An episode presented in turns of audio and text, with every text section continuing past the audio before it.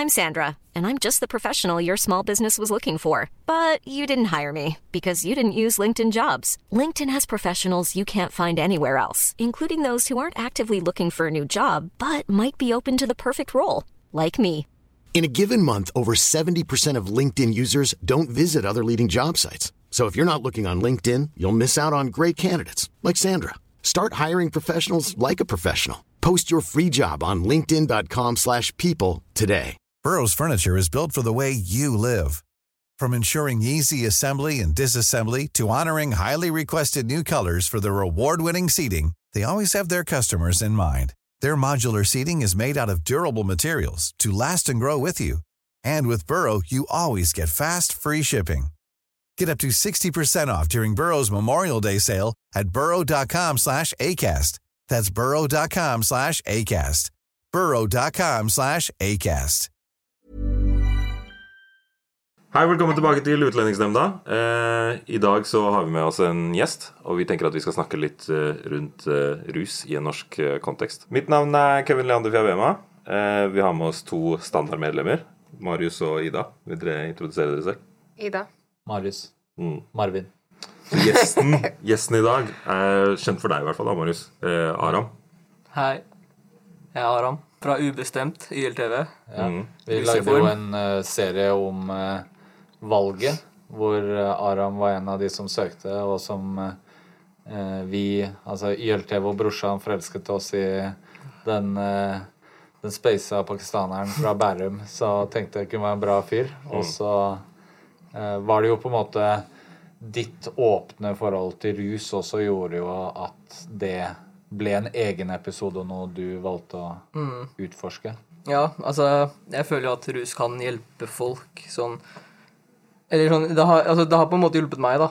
Så jeg føler det er mye muligheter for hjelp der som på en måte bare er dekket til på grunn av alt stigma, all det, det at det ikke er lovlig og sånn. Altså ikke at det ikke finnes negative sider, men det er veldig mye positivt som ikke får komme til lys i det hele tatt. Som jeg er interessert i å liksom bidra til å få frem opp. Men du sier det har hjulpet deg, på en måte. Hva sånn Fordi du lager musikk, det er jo det som er hovedgreia di, på en måte. Mener Mm. du sånn i eh, sånn den kreative konteksten, eller tenker du større sånn i livet også? Vært Ja, jeg liksom tenker egentlig større i livet, men da skal jeg bare nevne at da snakker jeg først og fremst om psychedelics, da. Så eh, jeg vet ikke om vi skal avklare forskjellen på ulike typer rus, eller om vi skal starte på det nå med en gang først, liksom. Men eh, jeg er i hvert fall veldig opptatt av hvordan psykadeliske rusmidler kan hjelpe oss med selvrealisering og jobbe med egoet for å liksom Og jobbe med traumer, da. For å eh, komme i tune med oss selv og bli bedre mennesker. Og ja Basically det. Ja, for det jeg tenker er egentlig bare at vi skal snakke litt rundt på en måte sånn Fordi vi har nå, da, med oss samla på en måte en gruppe som du ikke nødvendigvis alltid får samla foran eh, et kamera, og liksom snakke litt om bare vårt forhold til hvordan man på en måte har blitt introdusert til rus som et konsept sånn i, i samfunnet. Hvordan man har på en måte sett hva man har sett med det, og hva vi sitter igjen med på en måte av vurderinger av hvordan det påvirker folk rundt oss da, og, og samfunnet sånn egentlig. Eh, sånn, jeg vet jo selv at sånn det har, alt, det har alltid vært noe som har vært sånn rett ved siden av, men aldri så nært på meg. For jeg har aldri vært i miljøer hvor rus har vært liksom Det har ikke vært i mine nærmiljøer, men sånn rett ved siden av sånn en god venn sine, sin vennegjeng, eller liksom de, den festgruppa der, eller der borte, på en måte. Men det er liksom ikke noe jeg har mye sånn personlig erfaring med i den forstand jeg har ikke sett mye av det. ikke sant? Og det er ikke noe som har appellert til meg personlig. Men så kjenner jeg jo Aram og kjenner andre også, hvor jeg ser at man kan ha veldig sunne og veldig usunne forhold til det. Eh, og sånn jeg, vet, jeg kan forklare på en måte hvorfor jeg har det forholdet til rus jeg har, men jeg vet ikke alltid hvor bakgrunnen på det kommer fra andre. da. At liksom Hvorfor man tenker sånn som man gjør om rus. Så det er liksom det jeg er interessert i å høre litt om. da. Altså, først og fremst er det ulovlig, da. Og det, jeg føler det legger jo grunnlag for veldig mange folks meninger om det. Og bare hele den viben rundt rus som veldig mange har. Altså, folk ser ned på folk som bruker, eller ja, generelt. For min del så eh, vokste jeg opp med alkoholisme i familien, så jeg ble veldig redd for rus. Eh, samtidig som det er masse propaganda på skolen om rus. Det er veldig vanskelig å lære hva rus faktisk er, og om nyanser knyttet til det. Og så hadde vi noen på skolen som Jeg tror det var rohypnol eller hyppere eller hva det var. Eh, og så var jeg alltid sånn flink pike, så jeg var veldig anti. Frem til jeg ble eldre og lærte mer om det, det spirituelle knyttet til det. Um, og så er jeg også litt sånn Jeg har, ve jeg har veldig nyansert forhold til det. Både med at jeg har sett farene med det, og opp igjennom hvem som har falt ut. Jeg ser også folk som er avhengige av f.eks. weed, eh, hvordan det påvirker deg negativt, og hvordan det kan påvirke deg positivt. Og så tenker jeg også at um, den new age-fremtoningen til rus er kanskje også å glorifisere det litt.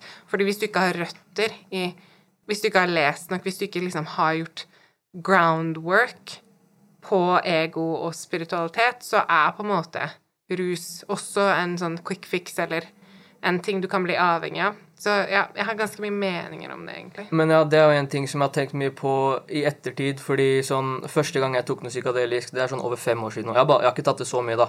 Men uh, det var som om jeg lærte ting om meg selv og forsto ting, men jeg hadde liksom ikke noen måte å opprettholde det på. Så det var først i ettertid hvor jeg lærte mer om hvordan ego og selve fungerer, og jeg da tok det igjen Altså, jeg, jeg følte at jeg egentlig ikke trengte å ta det igjen da, men liksom det var all den kunnskapen som gikk hånd i hånd med rusen, som liksom gjorde at alt klikka. Men jeg tror ikke man trenger Altså, man trenger ikke ta stoffer for å gjøre disse tingene, selvfølgelig. Men jeg tror at for noen så kan det være en veldig sånn push i den retningen, hvis man virkelig ikke tror på at det finnes liksom Ja, at det går an å oppleve sånne ting, da. Jeg, jeg tenker både det, og så er det det som også er fallgruven med det. da, At du får masse informasjon. Og så har du ingen andre, f.eks. Du kan snakke med alt du opplever.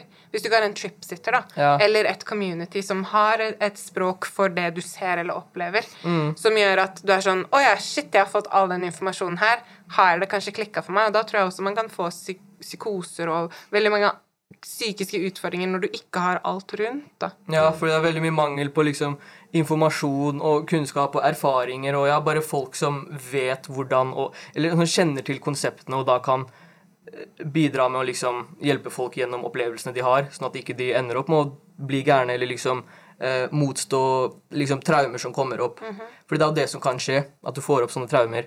Og hvis du ikke vet at det skal skje, og tror at det bare skal være litt lættis, så kan det jo fort liksom bli til at du skjøtter ned. Så det mangler kunnskap og åpenhet. Men det er det her jeg syns er, så interessant, fordi alle har så personlig på en måte forhold til rus. Sånn for meg så er, eh, er Når jeg snakker om det, så er det på en måte i sammenheng med at det er en, eh, et sånt politisk talepunkt, hvis du skjønner hva jeg mener. Altså, Du snakker om eh, eldreomsorg, du snakker om økonomien, du snakker om rus, på en måte. Så for meg så er det som en liksom venstrevridd raddis, så er det politisk det der med avkriminalisering, hjelpe folk som trenger det, avskaffe stigma og liksom eh, åpne for trygg utforskning en, i, når man har kommet til et punkt der det er noe man kan legge til rette for. da.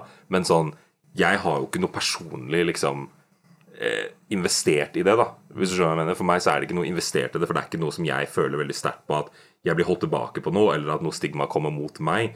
Men så ser jeg jo samtidig hvordan det at det er noe som er, som du sier, er ulovlig, gjør at det blir på en måte håndhevd eh, ujevnt da, i samfunnet. Og hvordan det påvirker folk rundt meg. At det er liksom, du blir sett på som det her eller det her, eller du blir antatt og det høyere grad eh, Ja, om ikke overvåket etterfulgt av politiet, på en måte, fordi du tror at du er involvert i dette eller dette, selv om du er det eller ikke, på en måte.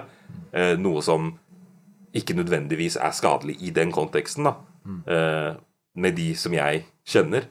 Så for meg så blir det liksom en sånn politisk sak, men det å høre hvordan ja, andre har personligere, mer personlig eller ikke forhold til det, da.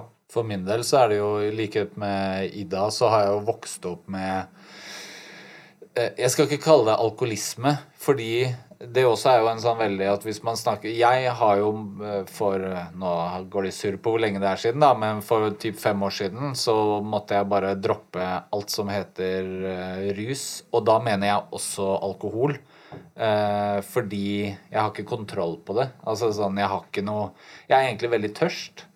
Det vil si at når jeg tar én øl, så blir det til ti. Og ti øl blir til uh, Fernet-shot, og Fernet-shot blir til å ringe ringe noen, og så er det noen striper og noen piller, og så er festen i tre dager, på en måte.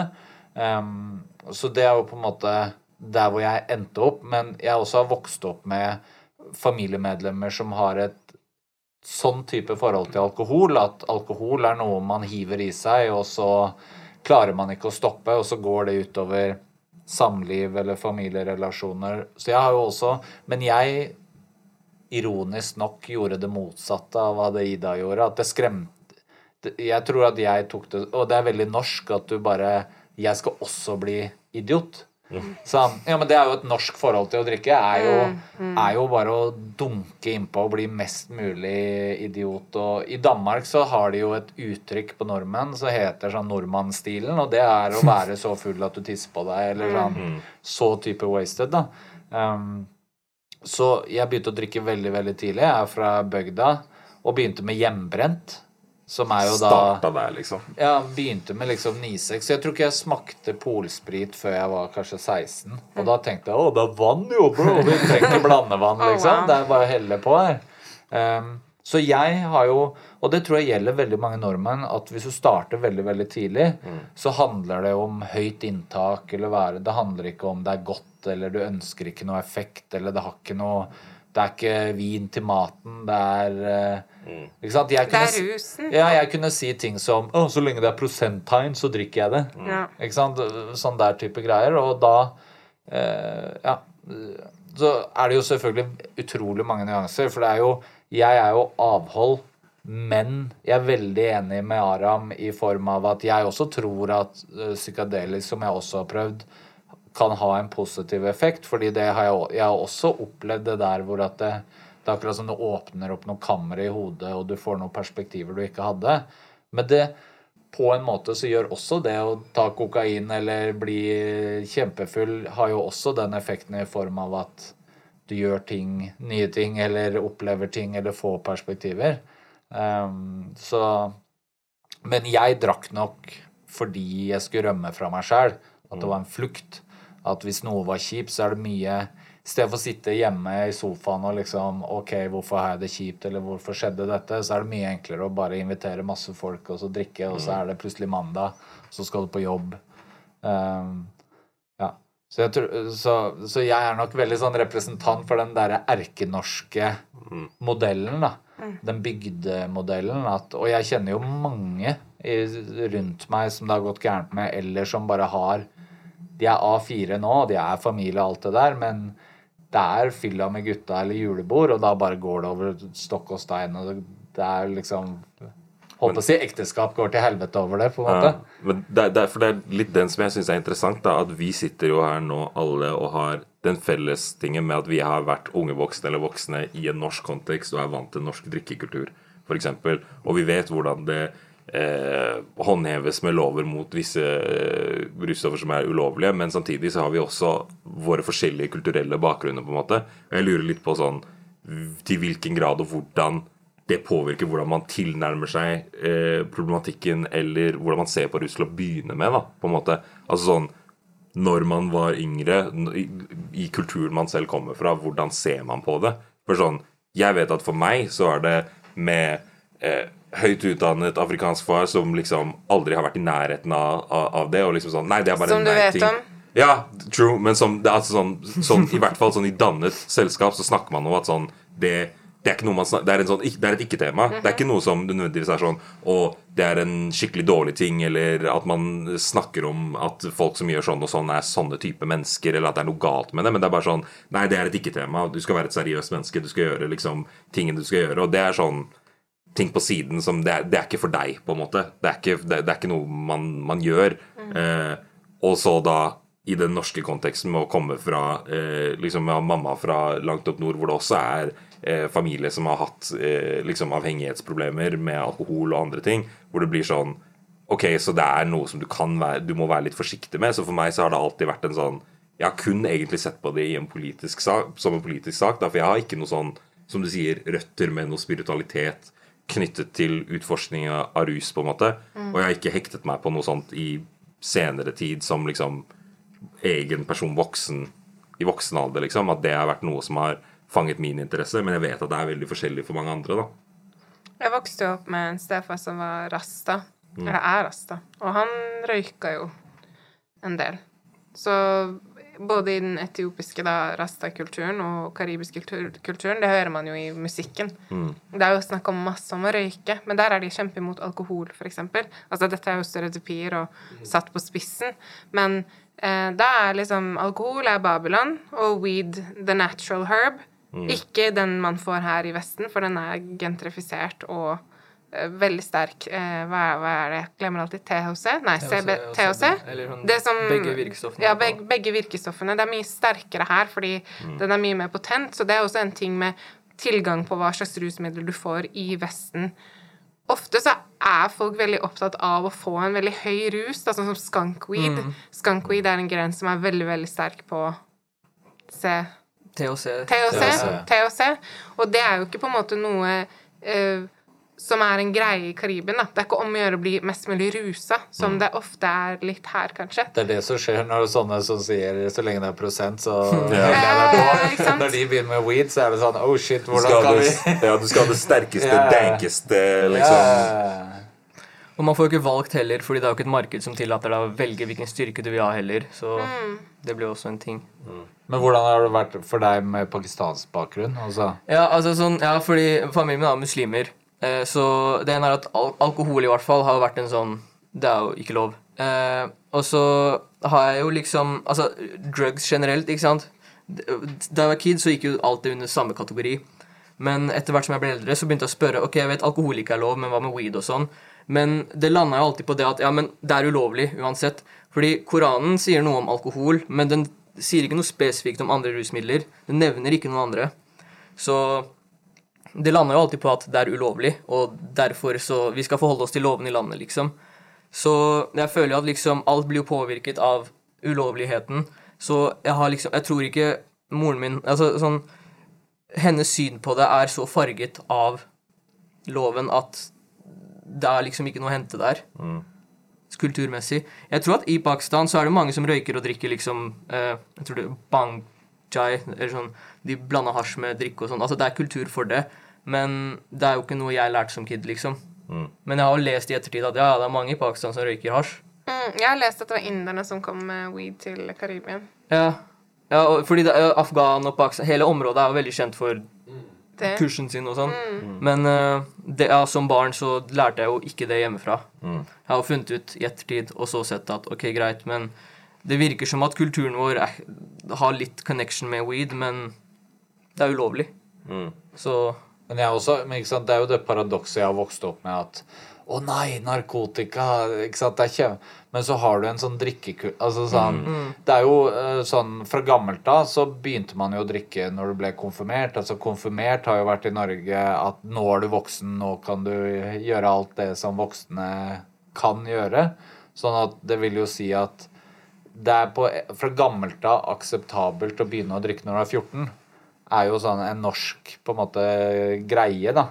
Eh, sånn at vi har så høy kultur for at ja, men det går bra, han går jo, ikke sant. Det er jo snart voksen.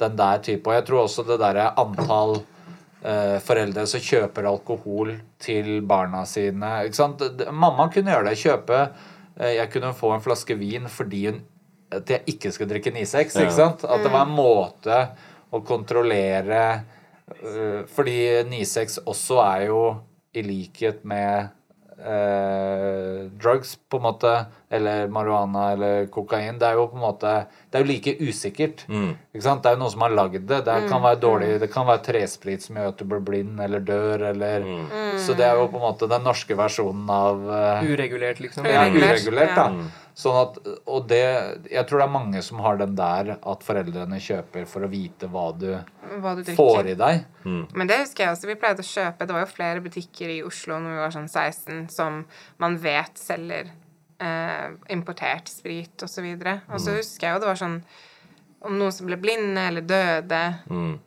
Så det er, jo en, det er jo et reelt problem som foreldre å vite. Altså når skal du på en måte inn og hjelpe, og når skal du liksom bare Nei, det, min, mitt barn skal ikke drive med det her. Og i hvert fall da i dag jeg med sant, weed og alt mulig sånt. Men ikke sant, det er der jeg har sett paradokset, fordi jeg har vokst opp et sted hvor at foreldre Jeg sier ikke at alle foreldre, men det er en høy toleranse for at barn blir full eh, med narkotika er gærent.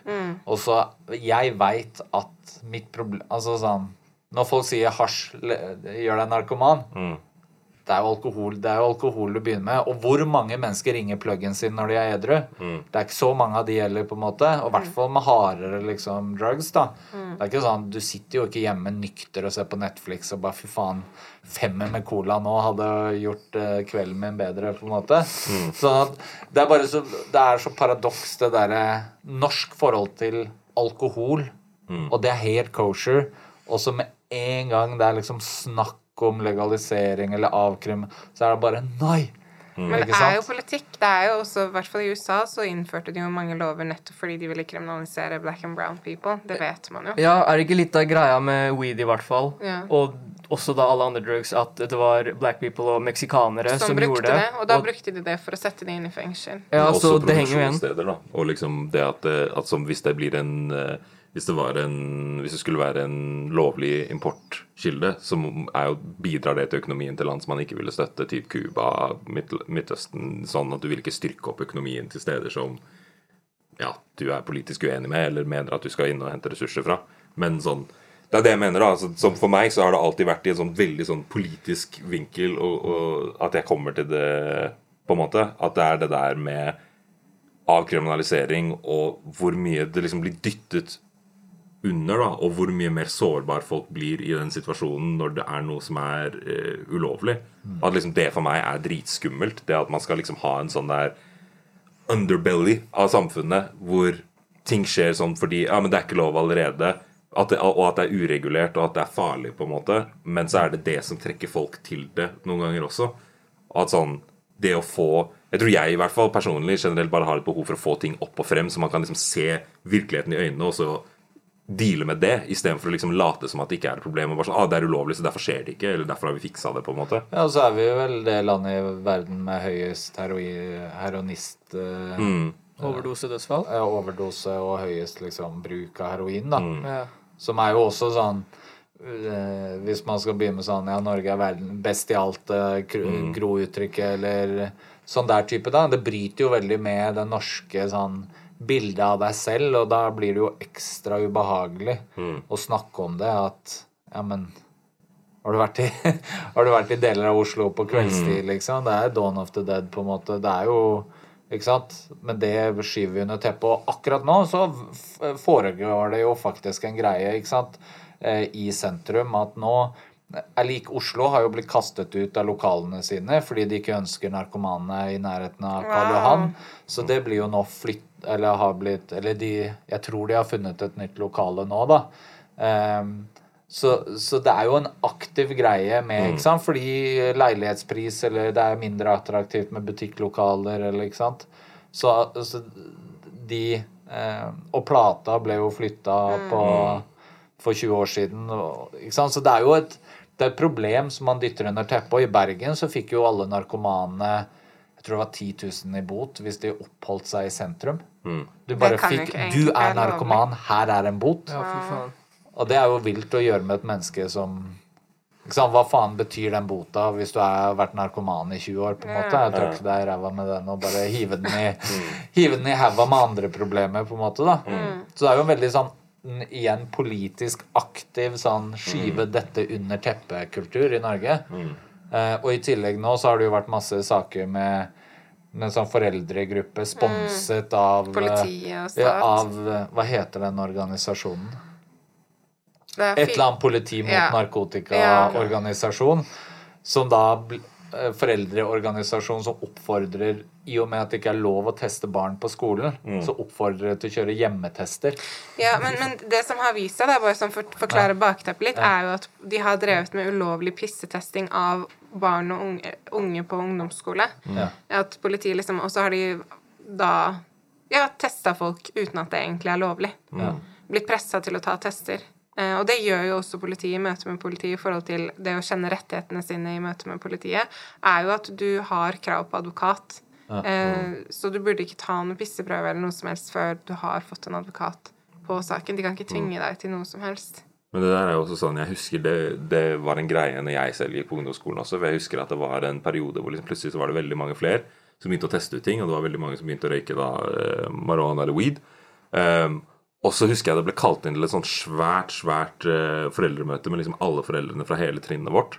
Eh, hvor jeg var der som liksom elevrådsrepresentant og skulle representere elevene og sånn. You know me. I am who I am. Uh, jeg står for det. Men jeg husker det med, sånn, med å gå på sentrumsskole, da, hvor det, liksom sånn, det er mange av foreldrene som er kunstnere. eh, Noen som er Rastafaris også, ikke sant. Og sånn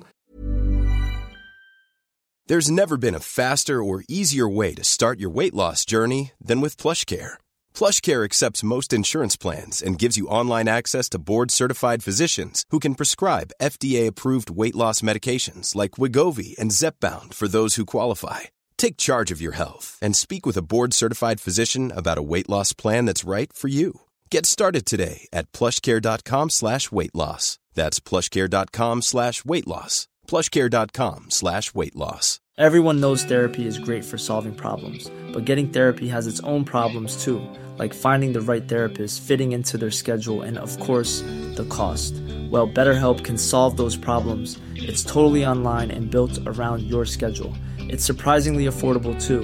Connect with a credentialed therapist by phone, video, or online chat, all from the comfort of your home. Visit betterhelp.com to learn more and save 10% on your first month. That's BetterHelp, H E L P.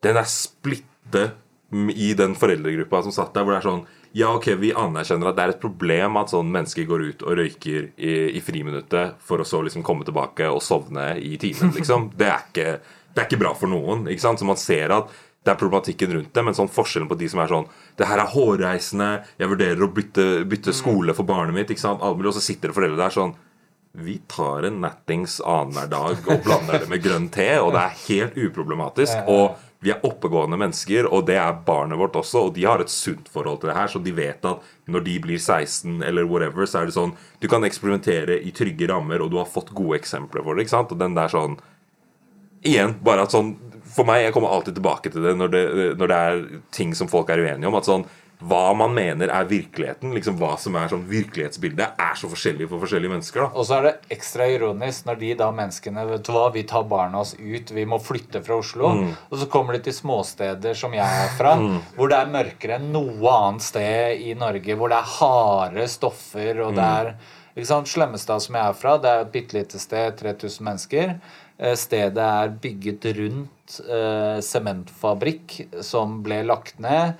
Eh, De arbeiderne som jobba der, de ble arbeidsløse, begynte å drikke. Så du har plutselig sånn tre generasjoner med folk med veldig usunt eh, forhold til rus. Og så kommer kids fra storbyen som liksom eh, Ja, i- inn i det greiene der, og plutselig så hopper du fra Kanskje har prøvd hasj til liksom Her er det speed som gjelder, på en måte. Det er det vi Det er hjemmebrent og speed. Velkommen til oss. Så det er jo litt sånn derre Ja. Det, det jeg syns også er interessant da, med den nyere generasjonen Vi vokste jo ikke opp med TikTok eller noen sånne, sånne ting, og da var jo på en måte all rus tabu og, og dumt, da. Mens nå har det jo kommet mye mer nyanser, sånn som de dokumentarene om stopp og psykadelika. Forskningen har blitt tatt opp igjen. Ja, det er mye mer info tilgjengelig nå enn det det var for ti år siden. Sånn Og det er jo, ikke sant, Når det kommet kommer masse sånn gode organisasjoner som Tryggere rus, som, hvor det handler om at uh, Ok, så tester du noe. Det er ulovlig. Eh, du vet ikke hva du tester. Det går gærent. Hvem, hva skal du gjøre? Hvem skal du ringe? Ikke sant? Vi må, ha et, vi må ha et samfunn hvor du kan ringe noen. Ikke sant? Åpenhet. Da, Ja, nå har det jo vært Det var jo hun ene jenta som hadde blitt voldtatt, og så leverte hun inn telefonen sin, og så var det noe film eller video at de brukte marihuana. Og så endte hun opp med henlagt voldtektssak og forelegg for marihuana. Saken hadde dessverre mest sannsynlig blitt henlagt uansett. Men, Jo, jo, men, jeg skjønner men, poenget ditt. Dritwack å få en bot. Ja, ja, oppå, ja, ja, det, liksom. Og jeg må jo også si som pappa jeg, jeg tror at min tanke rundt det Og det gjelder alkohol ikke sant? Nok en gang, rus innebefatter alkohol også. Det er bare viktig å si det, fordi det er ikke noe forskjell på de greiene her. Og mitt forhold til det jeg vil jo, ikke sant? For det første har jeg måttet si til sønnen min at eh, eh, alkoholproblemer er eh, arvelig. Sånn at vær forsiktig. Det, det kan gjelde deg òg, på en måte. Du kan havne i samme løypa som faren din. Men jeg tror også det der med kunnskap At liksom eh, Det der å ha, ha, kunne ringe hjem og ha kunnskap tror jeg eh, er det viktigste, da. Fordi kids tester. Ferdig, liksom. Det kommer vi aldri til å gjøre noe med. Så de må liksom ha uh, Ja. Og jeg tror liksom det bare, det å, bare det å kunne gå på en nettside og så bare Ok, sånn ser du forskjellen på god og dårlig narkotika. Du har mulighet til å teste. Det er sånn som tryggere Testkits. Ja, testkits. Både, du kan både Nå kan du jo til og med teste hjemme og faktisk levere inn Ja, det det, du har kjøpt, ja. og få det testa og liksom Hva tenker dere om det argumentet? Ja, men da kommer flere til å ruse seg fordi eh, det er mer tilgjengelig, eller fordi det er Altså, Det er sikkert flere som kommer til å ruse seg hvis det blir legalisert eller avkriminalisert, men sånn, spørsmålet er jo om det er et problem. Fordi jeg føler det som ofte blir lagt frem som problemet, er avhengighet. Og det er veldig mye sånn skremselspropaganda mot at liksom, å, hvis du prøver, så kan du gå ned den veien. Men øh, ja, så eh, flere kommer nok til å prøve, men det er som om mange velger å ikke se på problemet som er avhengigheten, eller liksom hva det egentlig kommer av. Fordi det det virker som om mange tror at rusen er den som gjør deg avhengig i seg selv, men ofte så er det jo mye mer til mennesket som gjør at man ender opp med å bli avhengig, og de tingene blir liksom ofte ikke snakket om. Det kan om. jo jeg si. At hadde jeg vært trygg på meg sjæl, hatt det bra med meg sjæl, så hadde jeg kunnet nå tatt et glass rødvin til maten. Mm. For det er det jeg også tenker, at det er det der med sånn tryggheten og rammene rundt det. da, At hvis du legger til rette for at noe skal skje på en tryggere måte, så, er, så, så er, blir det jo uproblematisk. sant? Altså sånn, Eller at du kan redusere noe av det, i hvert fall. For det er igjen da, for meg det der med å få det opp og frem. at sånn, man, Jeg tenker veldig det at man kan liksom ikke putte eh, putte the genie back in the bottle. Altså sånn, Det er ute, det er en del av verden, det er en del av, av, livet. Vi, vi kommer aldri til å klare å slette all teknologi og alle frø og bla, bla, bla, og rus bare fins ikke lenger. Og i så fall så kommer bare noen til å komme opp med noe kjemisk igjen. ikke sant? Altså sånn, du, du blir ikke kvitt det, så du, vi må lære oss å leve med det og gjøre det på best mulig måte. Og Jeg skal ikke sitte og late som at jeg har svaret på hvordan det funker, og at jeg kan alt på, på liksom hvor, avhengighetsløpet på forskjellige stoffer og alt mulig sånn, men at bare generelt så må vi ta en, en, et sånt standpunkt med at sånn, ok, det er noe vi er nødt til å håndtere, og noe vi er nødt til å prøve å løse på best mulig måte. da. Og så er det jo kognitiv dissonans. Sharati Amara får lære meg det uttrykket. Det er jo det der at du veit det er gærent, men du gjør det for det. Ikke sant? De fleste som røyker sigaretter i Norge, de har jo et bilde på pakka si av hva som skjer om du røyker, og de røyker. Altså, jeg har snorta kokain, men jeg har også sett Vice-dokumentar fra langt inne i jungelen hvor noen står og blander planter med bensin. Og jeg veit at det har vært i rumpa på en fyr. Gjennom Europa. Og jeg bare Yes! Inn i kroppen min, liksom. Jo, men så hva mener mener? Så skremsel funker jo Nei. ikke. Og i forhold til det, det eneste som i forhold til argumentet på at flere kommer til å bruke det Jeg mener jo at folk her kanskje tar litt for lett på det knyttet til det historiske dimensjonen av spiritualitet. Altså Det er veldig mye sånn New Age, som er veldig sånn Å, nå skal jeg drive med ayahuasca, for eksempel. eh, Som er en seremoni. Og det ayahuasca-seremoni har jo blitt helt ødelagt fordi vi i Vesten har ødelagt det for lokalbefolkningen. Det har blitt en mafiaindustri. Så jeg tror på en måte det at ok, si vi skal åpne for mer psykadelika, det er mer populært nå, så tror jeg man man tar for lite ansvar for seg selv, for historien, for hva det betyr å være spirituell. Det er liksom sånn, Alt er så veldig enkelt, og det skal liksom shoppes sånn Nå skal jeg drive med psykadelika, og det skal fikse ting for meg. For jeg tror at samfunnet vi lever i, er ganske dystopisk. Det er veldig individualistisk, og du kan ikke hyle individualistisk. Du må hyle det kollektive. Men man må jo hyle Eller sånn folk Altså jeg føler at hele den ruspolitikken blir jo nesten bare eh, et metafor for hvordan mennesker er mot seg selv, hvor vi ignorerer de faktiske problemene våre og bare Nei, nei, men vi kan bli avhengige, så det, det er sånn Men eh, det er ting som faktisk kan hjelpe, så Men vi, vil, vi, vi er ikke klare for å face de tingene, tydeligvis, som en art, liksom. Så derfor bare holder folk Altså sånn Folk er jo ikke klare for de store, dype spirituelle spørsmålene ennå. Det er jo en sånn hypotese eller, om at, at, at man gjorde det ulovlig nettopp fordi hvis du driver med psykadelika og weed, så har du ikke lyst til å Ja, dra i krig, ja. liksom.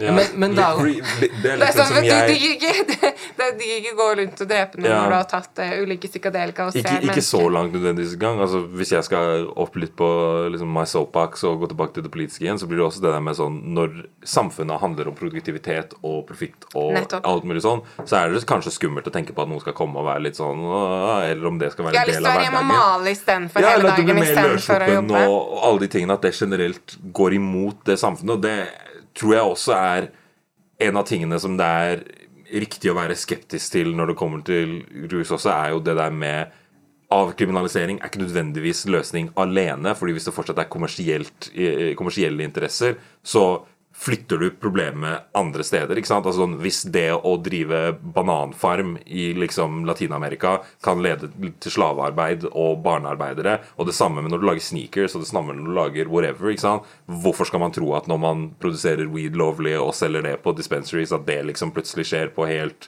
ryddig og enkel eh, måte? Så det er liksom det er så mye problematikk, da. Eh, men at det begynner i hvert fall med å anerkjenne at sånn, du blir ikke kvitt det, så vi er nødt til å adressere det, det, føler jeg i hvert fall. Men jeg tenker, men da er vi tilbake til sånn der Ok, som pappa, da.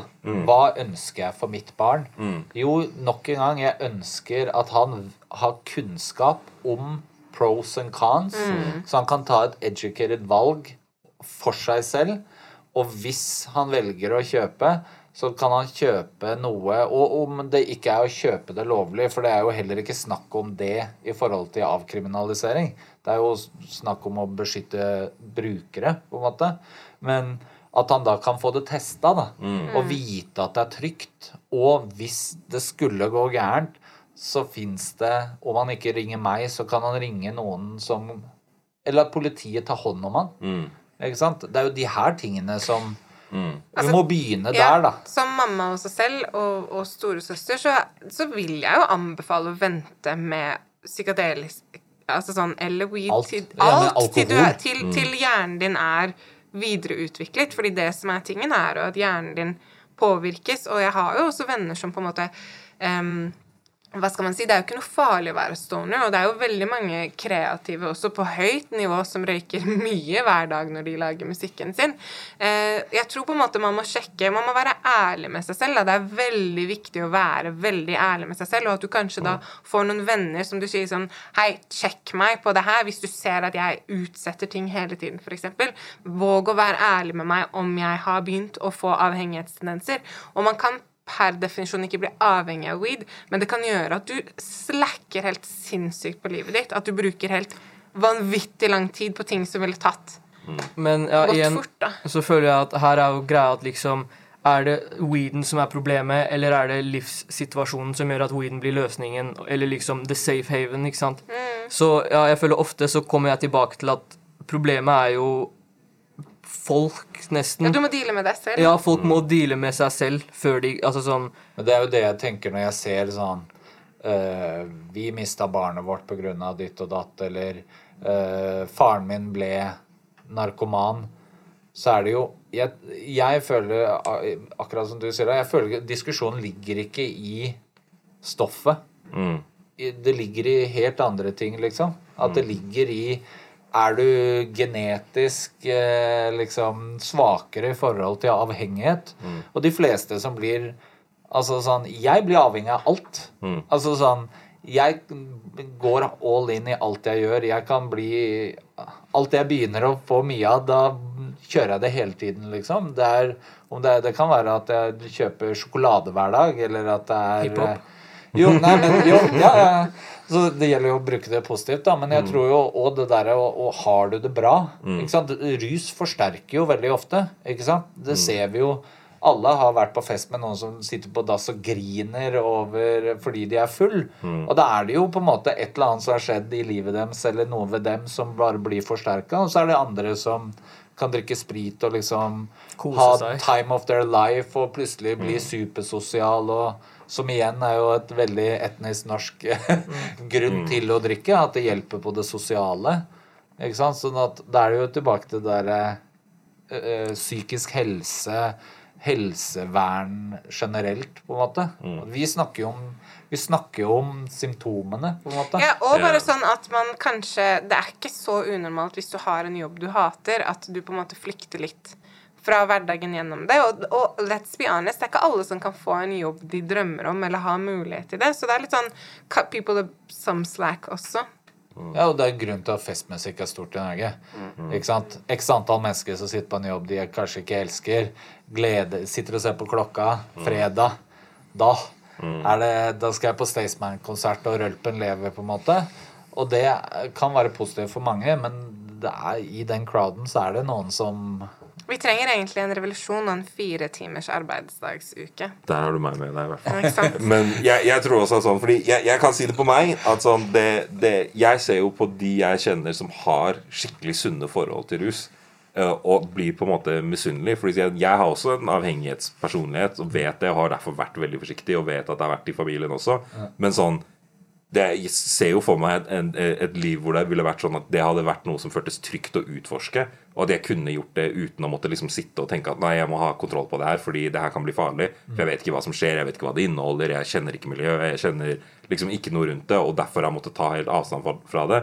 Samtidig som jeg ser at liksom i hvert fall sånn jeg ser for meg en ideell verden, så kommer nok noen sitt sunne forhold til rus å være, å være helt avholds og holde seg helt unna og bare ikke ha det i livet sitt, men at når det er i livene til folk uansett, så må vi hjelpe folk ha sunnere forhold til det sånn generelt, da. Eh, på alle disse forskjellige arenaene som, som vi snakket om.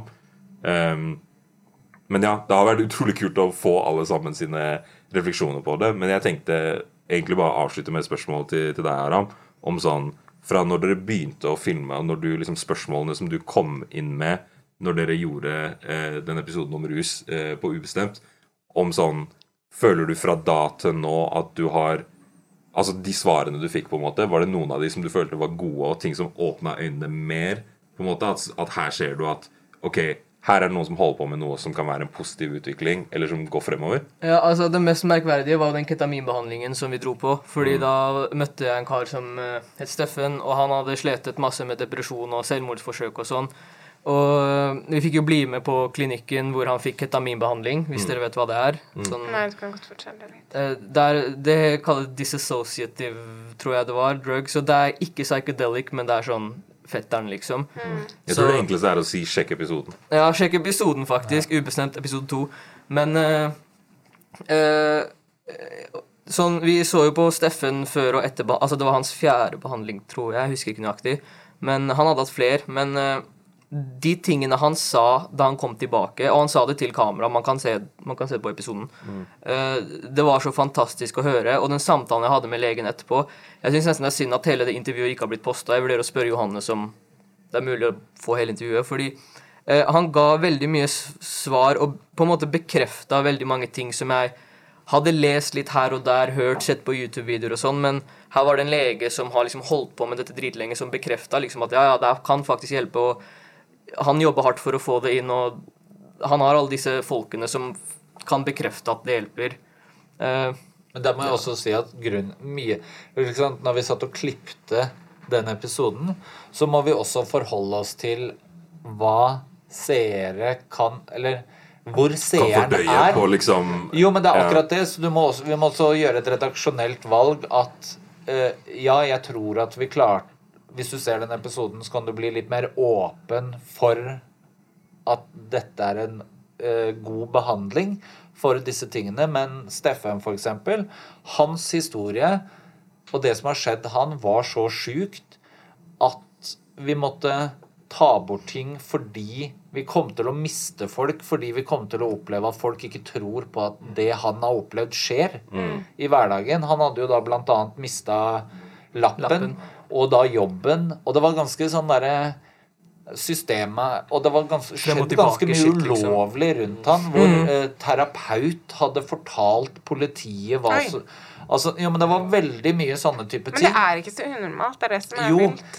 men det er fordi at vi Vi er åpne mennesker og liksom kanskje Mm. møtt eh, hva skal man si spekter av mennesker. Ja, eller bare Nei, men vi har ikke sant? Jeg kommer fra graffiti. Bare det å drive med graffiti gjør at du innser at politiet er ikke Det, er ikke, ikke sant? det skjer noen greier her som er veldig ugreit. da, ikke sant? Eh, Sånn at vi kan ta imot den informasjonen og tenke at Ja, men det, ikke sant? Vi bare kjøper den. Men hvis du tenker at eh, politiet de er sånn og sånn, og helsevesenet er sånn og sånn, så blir det så krasj med Sånn at de, de hadde mest sannsynligvis hoppa episoden Ja. der, istedenfor å kanskje liksom se at ok, han helt klart hadde noen issues, fikk en behandling, det ser ut til å hjelpe. Ok, spennende. Så kan du utforske, på en måte. da, Og det er jo på en måte litt utfordringer man har. Og jeg tror også at det, det er viktig å si i denne episoden her også at vi skal ikke Vi må overhodet ikke undervurdere rus, Som- inkludert alkohol. Og det kan være ikke sant? Det er skadelig for veldig mange. Det er helt, altså sånn Antallet folk med alkoholproblemer i Norge er helt sinnssykt, på en måte.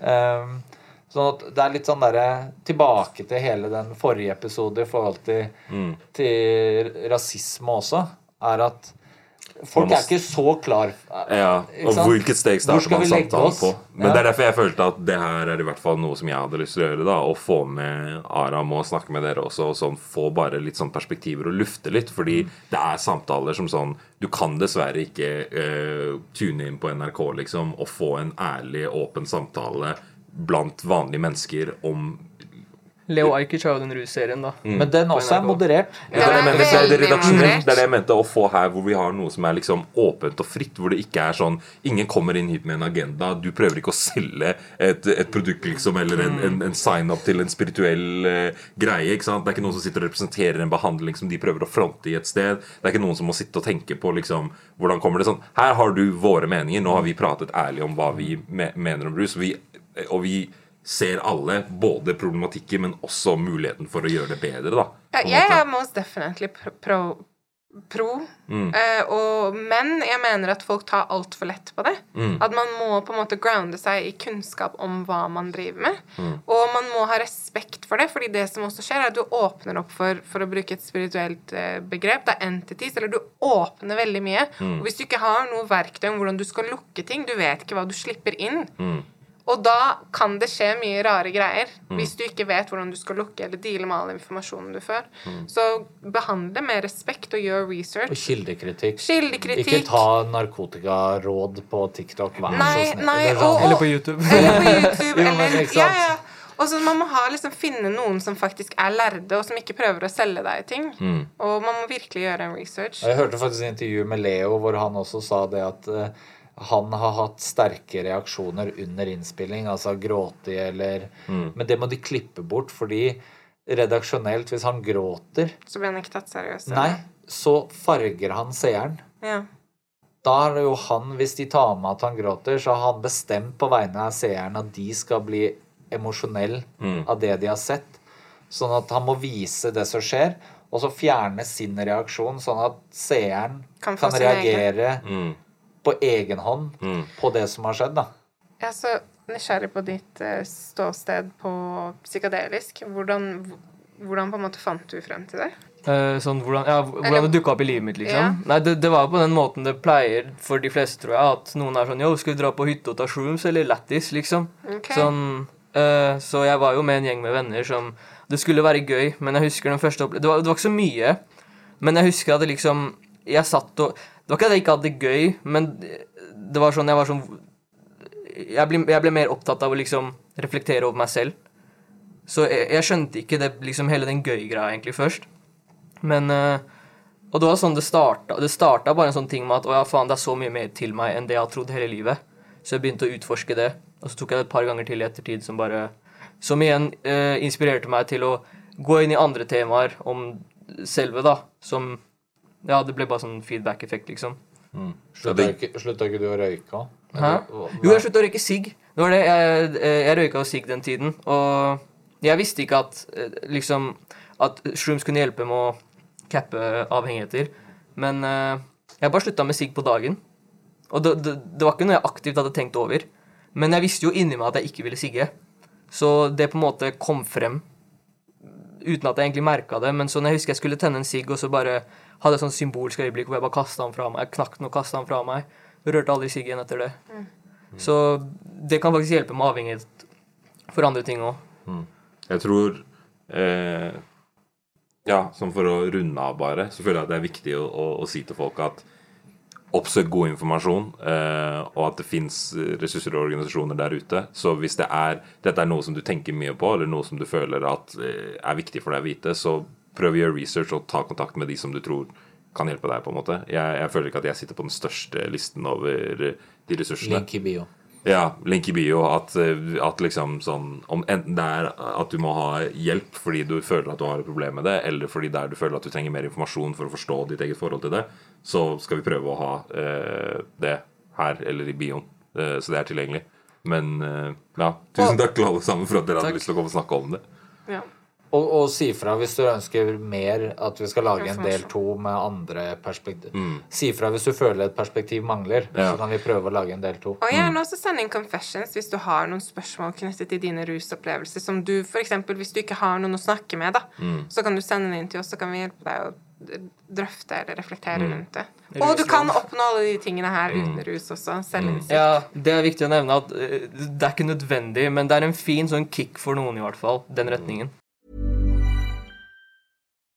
When you make decisions for your company, you look for the no brainers. If you have a lot of mailing to do, stamps.com is the ultimate no brainer. Use the stamps.com mobile app to mail everything you need to keep your business running with up to 89% off USPS and UPS. Make the same no brainer decision as over 1 million other businesses with stamps.com. Use code PROGRAM for a special offer. That's stamps.com code PROGRAM.